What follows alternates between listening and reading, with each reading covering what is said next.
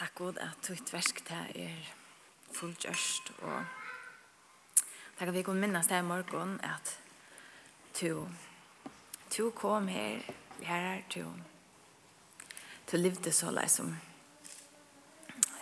ja, så lei som en menneske eier livet og og du bær alle okkara sinter okkara skom alt det som vi kiksa i alla okkara feiler ta tåks du til det. At Golgata du døy fyrir okkon. Og jeg tar seg fyrir at du reis atter. At deian ikke kunne halda til atter, men du reis. Og du lever i det, og til reis okkara vågn at vi at vi kunne leva saman vi det her.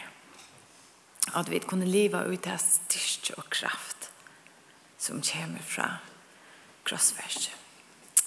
Amen. God morgen dit. Deilt av er sammen med Vittikon. Og um, er nok så spent, tror jeg jeg finner um, et evne i morgen som er Ester. Um, og det er så annan parster i en sånn rød om uh, søver ur gamle testamentet. Så sørste var det, så i min Absalonsen, han er en tale om Abraham, så er det jeg og det som skal ta som Esther. Og, eh, og da jeg var spurt meg, så ble jeg faktisk ordentlig spent, og jeg fyrer tvei år siden, faktisk ta korona akkurat det brådet ut, så sette jeg meg ned og lurste etter en rød om Esther på en 11 parster, eller sånt, fjørde og trus minutter, 11 parster. Og det er leng og gå rød om Esther, og Og det er nesten første fyr som vaksen at jeg har ordentlig åkna meg til søvn om Ester. Jeg vet ikke, det er veldig for meg bare en sånn søve som eh, jeg hørte om sundagsskolen og, og som kanskje jeg ikke har haft når jeg har sårt eh, vaksen man har forhold til. Jeg vet ikke om det skiljer vet man vi. Det er bare en sånn søve som ligger her og i bagasjene og stedene, men, men som vi ikke har arbeidsnegg vi. Eh, um, Og tog jeg det faktisk vært ordentlig stort litt at sin du dykka ned ut til søvnene, tog jeg at um, han talaren som er lustig etter, han sier, vær skvært, ta ditt um, ta ditt høyre søvn om Ester, eller ta ditt lese søvn om Ester. Hoksa sindru Game of Thrones. Eh, og jeg har ikke sett det røyene til, til, til for meg for meg. Men eh men är skilje akkurat vad man vet tid som inte kända söven röna det det är inte. Alltså men eh alltså är skilje kvärt har menar vi tui att Ester här är alltså här är drama. Här är hätor, här är hur ser man det så att um, intriger och och allt allt är akkurat som vi här. Och um, Ehm Och det är akkurat som ikke bare en sånn eh söva om en fitt jenta som blir drottning. Det hever att läsa her intrigerna och och mor försök och en gent en en ung jenta som røyner att finna fram och en vär som bare helt ørvise enn det som hon är uppvuxen med. Vi er en moral som bare helt ørvise enn det som hon kommer fram. Så hvis vi akkurat som kunne ha vært sinter til, ta tank, til hoksene om søvnene, jeg sort sinter mist, episkt drama, mer enn en fitt søve, så kunne vi færre gongt. Um, Veis du hvordan vi alltid kjenner søvann, så er færre røyne røyna gjerne sort stort, veis hvordan stort det er, men skal røyna gjøre stort ivelig i søvnene. Um, Ahasverus, konger, helter ena stora varsle. Eh, och sørste dagen så ber han varsti drottning om att komma. Han vill visa henne fram. Hon der, och hon blir kjent vekk. Eh, Ehm fører så til en kreppa, men lösningen är genial.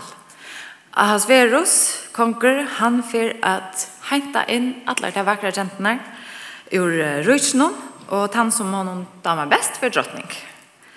Og Esther, hon er så middelen til jentene som kommer til palasset. Hon vinner kappen sin, ber drottning. Eh, Mordecai, han er sistna baden Esther, og han hever opp alt Esther som sin egna døtter. Um, hon er foreldreleis, og han arbeider nok så høyt oppe i politiska administrasjonen, og han avslører en samansvøring om at drepa kongen, og han bor Esther fra, så hon får bo i kongen bojen.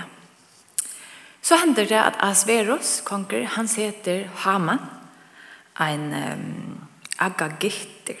Og det er altså det følte som rønt at gjøre av jødene til at det kom eh, tjøkken noen reie havet og skulle inn i Kananland, ta rundt det og drepa det. Så det er den arveren som han ber visse. Og eh, Asverus konger, han setter han til å være nast etter seg og rydt Og um, kongens, kon, kongsens bo er at Ødskål bortja seg for Haman, men det gjør Mordecai ikke. Og Haman han finner så ut av at Mordecai bortja seg ikke for honom, tog han er en antijødisker agagitter. Og Haman skiller at Mordecai er jøde, og ta gjør han en sammensføring, ikke mot Mordecai, men at tog innan alle jøder og i alt persiska ryk. Og han får kongen at innsikla bøyene. Og han kastar lot, som er kalt por, om när det skal være. Og atlan er att av i alla jøder. Ung, gammel, ung, kvinner, småbøten, all på ein dag. Mordecai han leter seg i sekk og øsko og han syrker.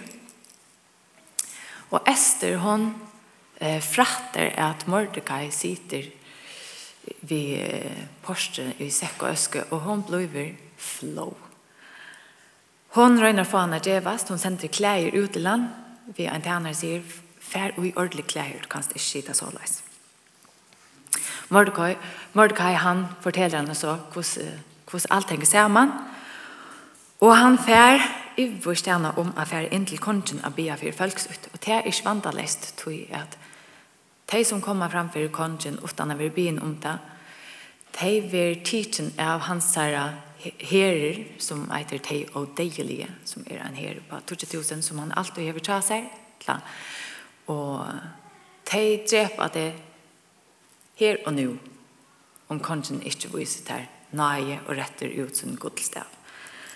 Eh, og ta eh, Esther bryr i vurst om at hon skal gjøre det. Men hon ber det jødiske følelse, Mordecai, at fasta fyrir henne i trutja dagar og hon skal själv eisne fasta i trutja dagar. Så fer hon inn til kongen. Og kongen retter godstaven ut til henne og spyr henne hva hon inte. Og hon bjør kongen og Haman til varsel, så ser. Der kommer Bayer og kongen sier Esther du kan få alt du vil helten av kongarutje om det skal være. Og det er ikke løyte til at Asverus kongre, han roar alla med fra Indien til Grekland ned til Etiopia. Han roar iver 122 London, et lagsjørt, og det er helten av heimsens befolkning som han roar iver. Så det er ikke løyte som han bjør henne.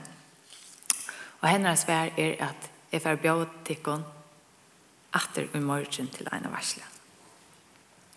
Og av vi heim fra versene så er Haman ui gående, kan du atle der. Han er den ene som er bojen av vera og i versle saman vi drottningen og kongen. Men så ser han Mordecai av vi heim. Og han ver så vreier at han planlegger at drepa han den etter. Og han får sett han pela opp eh, som han skal eh, hva sier det? Eh, eh, ja, han ska träffa Mordecai och vi att eh, alltså, köra pela, nej, faktiskt inte hundra. Ta ständer hundra utan förska bibeln, men det är eh, tog en sindre misskilling tog att um, eh, perserna det er faktiskt en um, det som det som romverska uh, måtten hever uh, tid som firmen till sin crossfesting. Uh, det som sin vakabelt, men det som det gjør, det kvar en pele i jøkken folk, så døg det, ja. Så hekte jeg opp i en pele, opp i luftene til skrekk og, og avværing, for det som ikke få bo i. Eh, og det har vært stort eh, på innenfolk, men stort. Crossfestingen var så på innenfolk og lenk. Eh, men han får reist en sånn kjempestor en eh, av Torsten om, eh, for at Treba Mordecai, neste dag, Eh, kongen att som att han var ikke sovet där kvällte. Eh, och akkurat för att eh, få att det bättre så får han lyse upp eh tydninger av mye hendinger som är hänt. Och och tar han til den affären som Mordecai bjärgar honom. Tar till henne. Han må heirast. Mordecai ska heirast. Och eh, Haman fer så morgonen etter iver til kongen og atler at djevan bo om at nu skal Mordecai drepast. Men kongen er sjåtare og sier, Haman, hva skal gjøre hvis jeg skal heira en maver? Og Haman som er eh, altså eh, og et, en egotripp som ikke lyttes nær anna, han, han også er til sånn det er. Og han sier i stufton vi kongen at gjør det så at jeg ser ut som te, at det ser ut som det är som er kongen och så får ankrarna råpa heter det med som kongen ska hejra. Den skulle i samma bona som kongen bruke hesten som kongen har brukt och allt det där. Och här vender det. Då kongen säger Haman, fär mordekai, Mordecai. Ger så att han ser ut som är och gakk to vi så innan av honom och ropa heter med som kongen vill heire. och ah, man er noe i øyene. Og så kommer kvalitet ta, ta skole til varsler ta Esther atter. Og hans vær så sier Esther det som hun hører på hjertet, ta kongen spyr henne. Og hun byr kongen hjelpe seg, til Haman atler at, at øyene er folk. Og kongen blir så ytterlig, så breier, at han faktisk var Haman drypen, og at han pelen som han setter opp til Mordecai, altså beina ved, Og, og at han at det så hever Esther et totalt melta av her som bare tar haman i drypene. Alt bare eh, släpper bara allt och gråter och kastar sig ner för konchen och säger du måste bjärga mot folk. Men konchen hever sent, sent att bo ut, det kan ikke tegast atter, tog konchen er kongen av konger, som han sier selv, og han er god i tarra, skjønner mig. Eh, så akkurat må gjøres. Så Mordecai og Esther får bo fra kongen, de får hans ring vi sekla, og han sier, kom vi et hosgått, hvordan dette skal løses, så gjør vi det. Og de kommer opp ved en løsning. Og det er at jødiske folket, de skal slippe å verge seg, ta fortsatt der komme. Tog bøy er kjent ut til alt rydtje om at tann dagen eh, som Haman har kastat lot om så skulle alla fyrtjenter Israels skulle kunna eh, tacka upp eh, sin vapen och färra mot Israel och erlägga det. Och det som Israels följelse nu får bo om det är tid kunde tacka upp vapen till kunde skaffa till kunde ta vapen som tid vilja hava och tid kunde stanna emot och tid kunde dräpa till karfyrtjenter. Eh, och hatta ger stor glädje med den folk. Det är nästan som att du finns vita att du finns dig att om. Du är en sjuka till andra Och Og jeg tål, og i flere viker kanskje, så gong du og vet at jeg er fer at dodja. Jeg vet hvem det er jeg skal dodja. Og ta en på innenfor til deg. Og så først du på henne. Vi har funnet en heil på. Først da, det er så den gleden som er med til Israels folk, det må skiljes på den maten. Den kommer, Fortjenten tja jødom løypera. Jødar verger seg, og de vinner av fortjenten. Og i Sosa så er berdagen så her, men de släppa att halta av en det att säga og de vinner av alla sjöna förtjäntar. Och ja, till er om en 800 folk som vil drive bara i Sosa. Och ta enda vi at kong Ahasverus seter Mordecai och sted Hamas och ger han till nast i rujt. Det är sjövan, nok så stort så har vi det sørte hva vi får på ordet etter.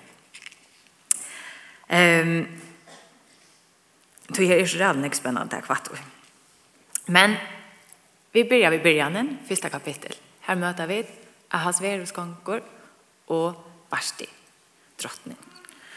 Och ta te hava ver en sort mentarliga och och och politiskt power couple. Vet hur man ska säga det är ordla ganska inte så jävla nek och i den förska kulturen att att i behöver ha att det är ett lameta om kvar är det men det är rört hvis man hoxar sin amerikanskt it's a power couple. Det är bäge eh tvärst eh, populär pen eh, hava avskan till politisk eh, det har politisk makt. Alltså Ahasverus som jag säger han rår över et rujtje som strekker seg fra Indien til Etiopia til Greklands, iver 122 London, eh, heltene av ødelfølg som livet ta ut togene, og det er den rujtje helten av de som livet ta ut togene. Eh, det er et det er en stor makt som ångan tog hever seg sin lykke. Altså, det er Ahasverus konkur konger. Og han hever rujtje døme, han hever, det er det er svaklet Det här som Asverus er og hever. Um, og så er det Vasti, hun kommer fra en, um, en høgstandande familie. Eh, onker bibelkommentarer til vil være vi at hun kommer fra en, negv, eh, en familie som hever eh, haft politisk makt nek langt enn Asverus. Asverus er bare fjorda li. Eh, hans her dynasti er så gammalt men hon kommer kanske från en familj som hever eh, rötter längt, längt attre och politisk avvärskan längt, längt attre. Um, och hon är vöker. Alltså, hon är simpelt den han som ödel sörja upp till. Så jag också visst vet eh, tar vi också om så Svasti eh, Beyoncé och Jay-Z visst det vet jag hur det är. Alltså till mer tamven i skulda og og i sort politisk makt og intriger og og og tve som er akkurat som som häva ambitioner karriere sort så hvis det också Hillary Bill Clinton så hvis vi akkurat som blanda te sammen så häva vi en bedre umynd av av uh, Vashti og kong Asverus. Og Asverus han hever en varsle till här vid mötande kapittel 8 en varsle og i hundre og furs dagar.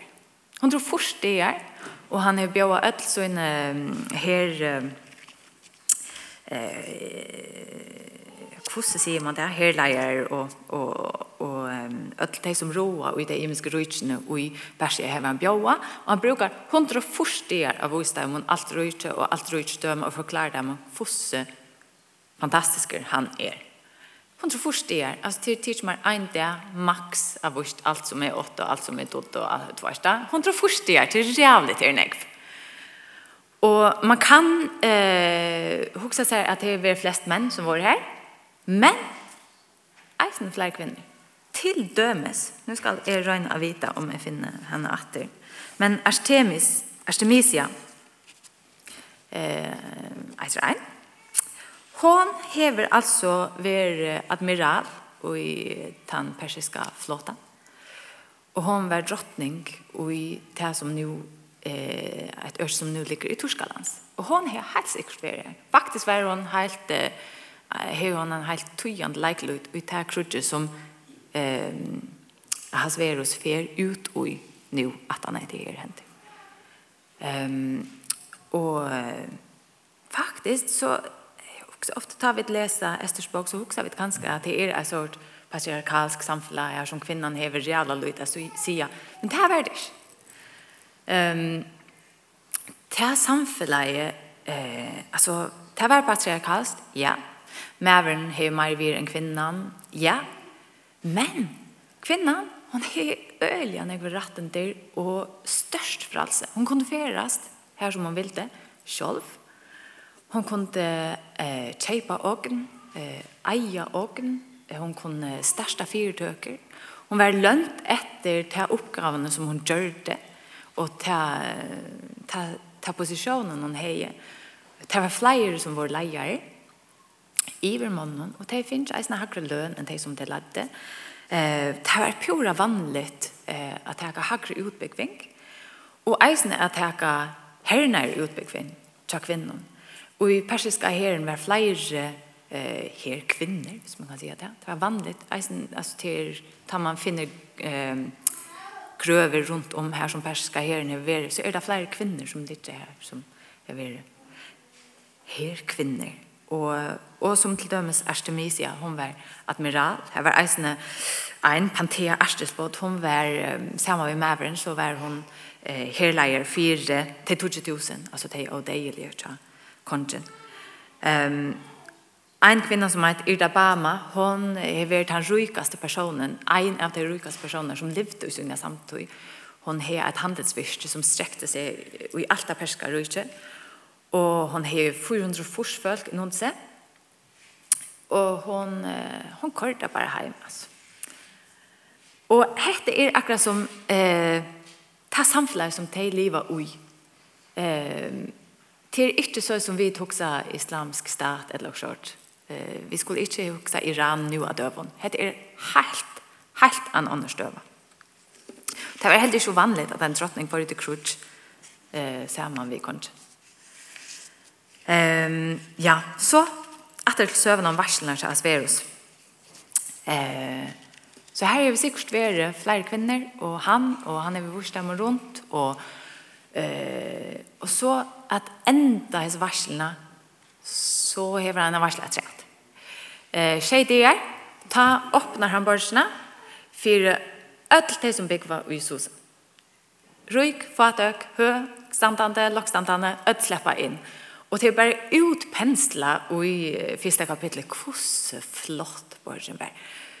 Eh, Godl og silvermøbler og porsportøy, hekk dekk bare her, og det var Det var så flott, og inn i havene til eh, kong Asverus, det var kallet for paradis. Okra år paradis kommer herfra, så det var rævla flott, havene. Og vanlig folk, de sluppet bare inn her, og det var iveflå av ødlån, og åpenbar til ødelfølg. Og Vasti hon er ikke her. Hon hever en privat varsla fyrir syner hofdamer eh, av palasset. Og det vil ikke forklare kvui og som halda det her vi, vi moral att göra. Hon vill inte vara vi till ta truckvarslarna och hon vill inte vara samman vi asverus eller som man följs inte ta höska sig inte. Och som halda det handlar om makt. Hon var från en så fin familj, från så fin folk Hon kunde inte bara vara här till en varsla som Asverus öppnar upp för ödsliga folk hon var för stolt till det. Så det kunne vi inte, det må vi bara tolka själva kvart vi halta. Men eh, men ta kongen er kjent at ein, altså han hever 100 forstær vurst alt som han eier, og så at han har 100 tjej forstær, så vil han vise fram sin drottning Vasti. Han vil ha Beyoncé on the stage, vysa henne fram, hos flott hon er, hos godt hon doer, og alt det der. Og hon sier nei, Det vil jeg ikke. Og nok der har kommet. Og det kan ha vært en sort me too moment. Her som bare sier, er ikke et objekt å vise fram. Jeg har et virus som menneske. Det kan det ha vært. Eh, Meira sannlukt er det kanskje hit. At hun, eh, hun har ångre planer om at komme som den store drottning Basti og til en varsle her som ødelfølt bor. Altså, det var ikke ordentlig henne da hennara cup of tea. Men å sier hva henne er eh, grundvär hon har vært djørv. Det har hon vært. Hon har vært näka djørv. Att han var konker. Han var konkarna konker. kallet han seg selv for Han var god i terramentan. Och hon säger bare, nei, Det gjør jag ikke. Och det har eisende konsekvenser.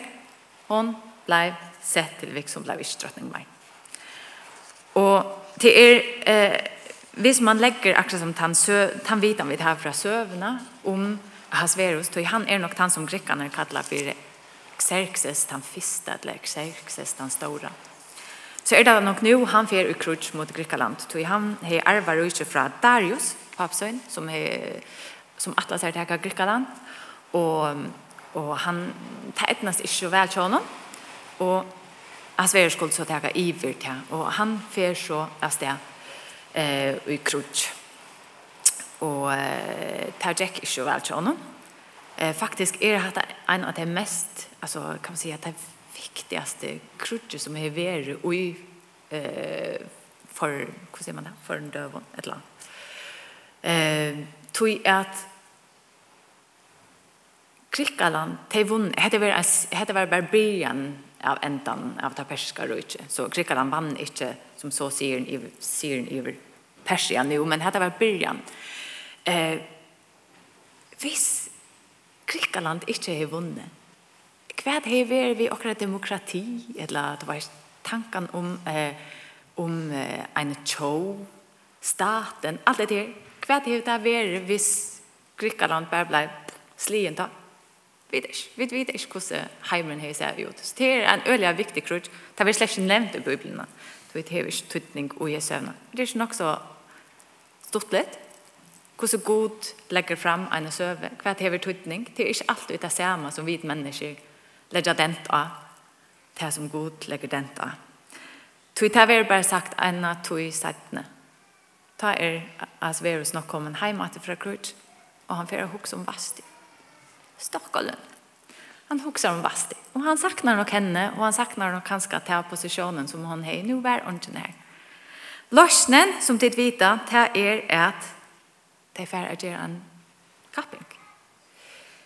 Eh, och jag har vi tog fokusat sin sort Miss World Cupping på för ut. Hevet du hod till att bli utan drottningen. Kom teckna det. Är du böcker? Kom, kom. Vis din talent. Kom. Och så först upp på paddeln tog vi fram i bikini, tog vi fram i gallarkjole. Och så fortällde du på sig att la Bjerga Heimen, vi tog talent. Och så säger Asperus, I choose you. Men det är inte ordentligt att det här som är. Tog att det som händer, det är at konten sender så inn men ut att teka de vackraste kvinner in av slottet. Eh, det er ikke sövan om... Eh, hvordan heldig Esther var at hun ble tidsen vi og enda kappen og kunne bli drottning.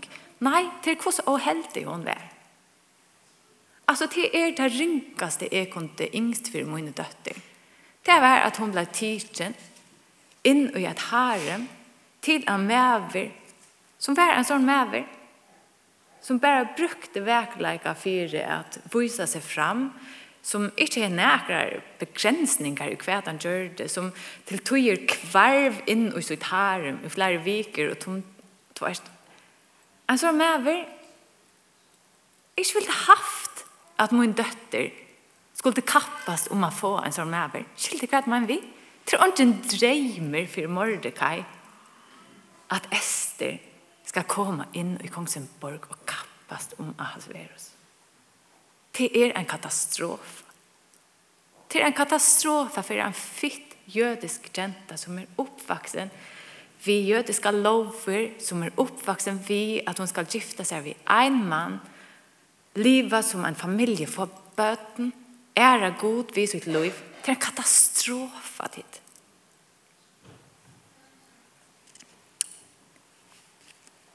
Ehm, Men hon endar her.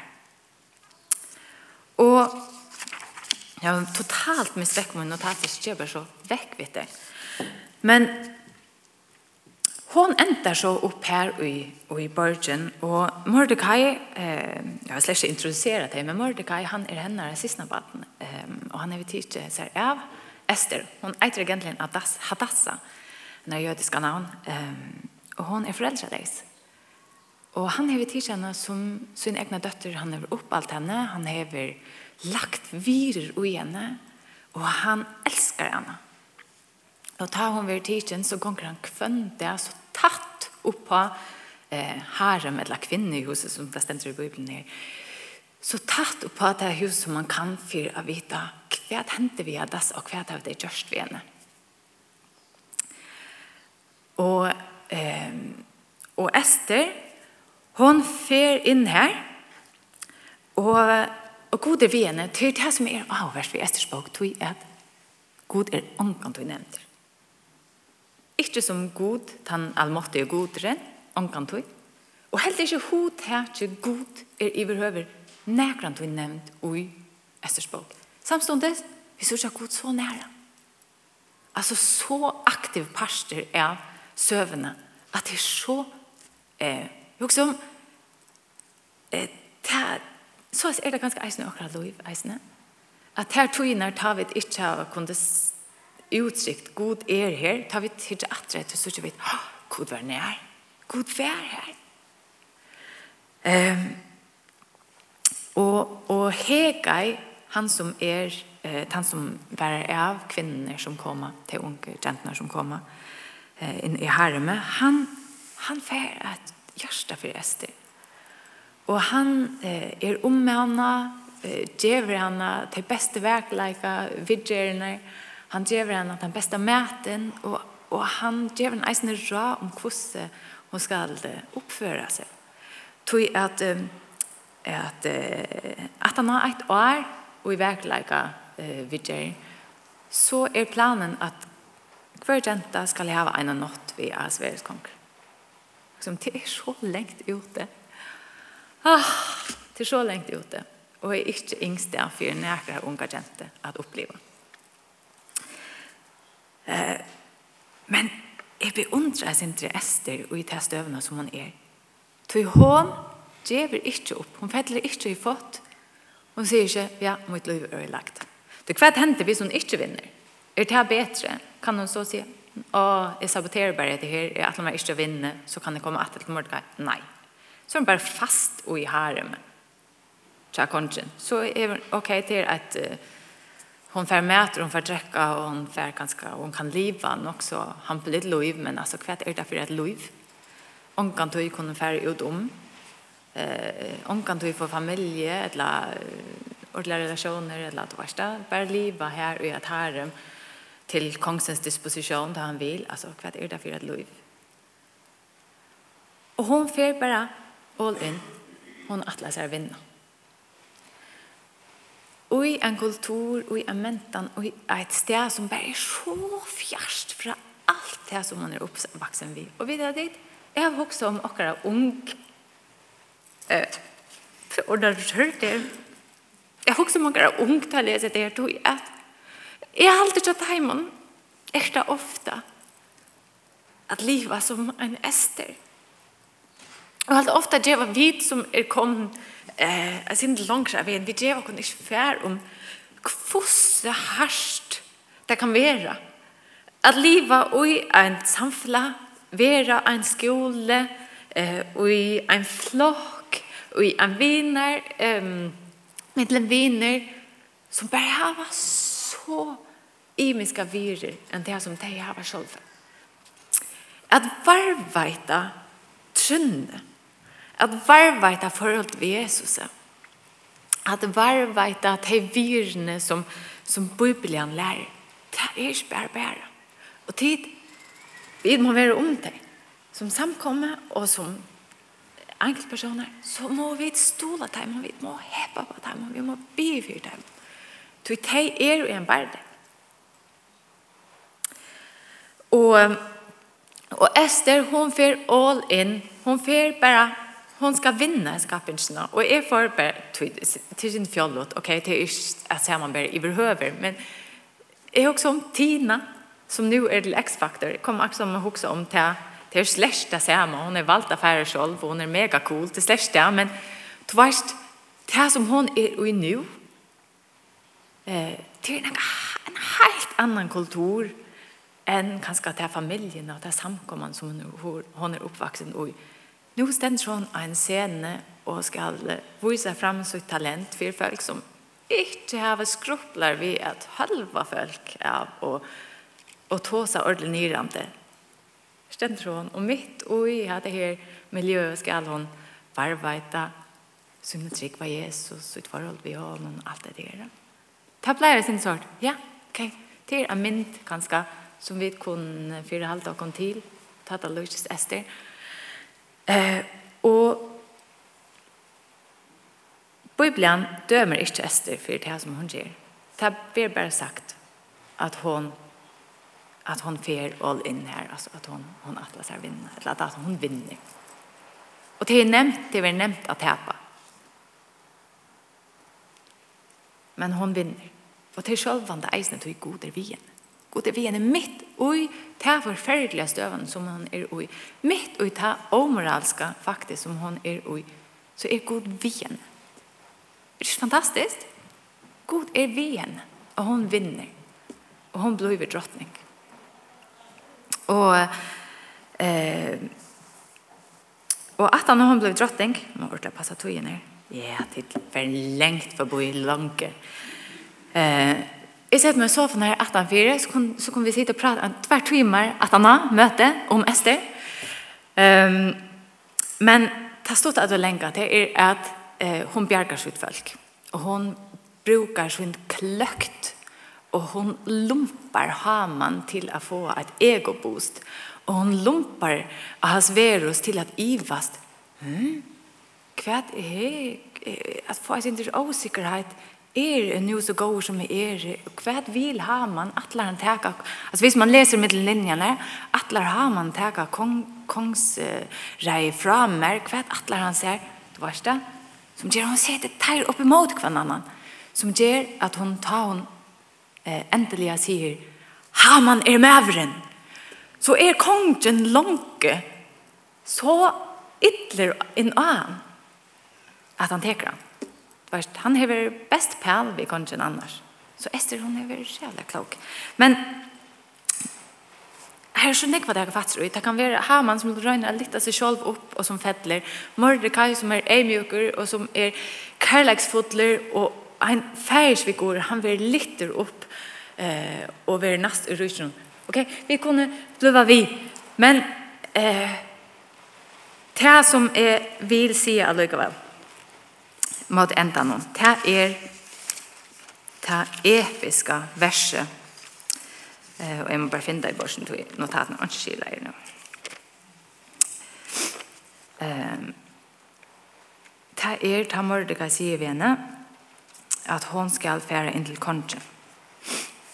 Og hun vil egentlig ikke och altså hvordan nevnte jeg det var hon er flere år drottning utan så en antaliga omkvärve utan Mordecai utan viner utan näkran som häver stolen och i henne antallige loj Hun er pura avbyrd. Sjølv og i persiska palasskulturen tills var nämnt. Självande hon är väl skilt kvärt i Hun hon blevet kanskje sin lunka og i sin trygg og i sin ikke så brännande. Men ta och mordekai, Mordecai och Mordecai legger framfor henne hva er støvan, og han minner henne av hver hun er. Og hvis vi leser med middellinjer hver god er, så brenner nekka ui og hun ta hun kommer sammen vi Mordecai atter. Så fær hun mot, og hun sier, fær og kattla sammen alle jøder som er i Susan. Halde første for mine skuld, og i tru samdøver, nått og det, mot ditt kvørste leska vått eller torst. Jeg og henne unge jentene mine skulle eisen halda først og samme hatt. Og så skal jeg fære inn for kong. Ta at det er er mot lovene. Skal jeg så fære, så let meg færest. Altså, det er dirve som hun har finns her. Altså, det er helt fantastiskt. Og, og det här som Mordecai har sagt ved henne. Det er nemlig det här Ikke skal du huske at du ensamhet av ødlån jøden skal slippe for det at du er stå i gangsettelen. Nei, tider til nå så få av jødene korsene hjelp og bjergjeng er stedet fra. Men to og at tog de skulle færes. Og hver veit om det ikke just vær for slik at tog som hesa du kom å sitte som drottning. Mordecai han veit at Esther hon er den eneste som kan bjerge følelse. God hever alltid en løsning. Og det er eisen til åkken i det. Tid er ikke så stor At god er totalt avhengig av tikkun for at utinna sin frelsesatlan. Det kan god selv gjera. Men god bjauar akkon vi og i eine tog som hese at standa opp vid dyrve og mat og gjøre det som skal til. Og, eh, og hit eh, det er det er som Mordecai sier venner om du ikke gjør det, så får du ut inn at akvarva. Og det er for meg at også om det Jesus sier, røynt du at bjerga du et liv, så får du å miste det. Og hva er verre for en menneske enn å miste sine sal? At hitje opp på fra et sint perspektiv, hva er det som Gud vil, og hva er han med liv? Må jeg bare gjevast dit, men for å lese spørsmålene, tror jeg er simpelthen så god, Og hon är akkurat byggt upp som en skallsöver. Det är faktiskt också självsamt. Det är bärhända boken och ganska rotsbok. Jobb, alltså inte, men Essers bok. Mega spännande. Och så full av ironi och spänningskurvar till annars. Tid må färre läsarna. Yes. Tack för er.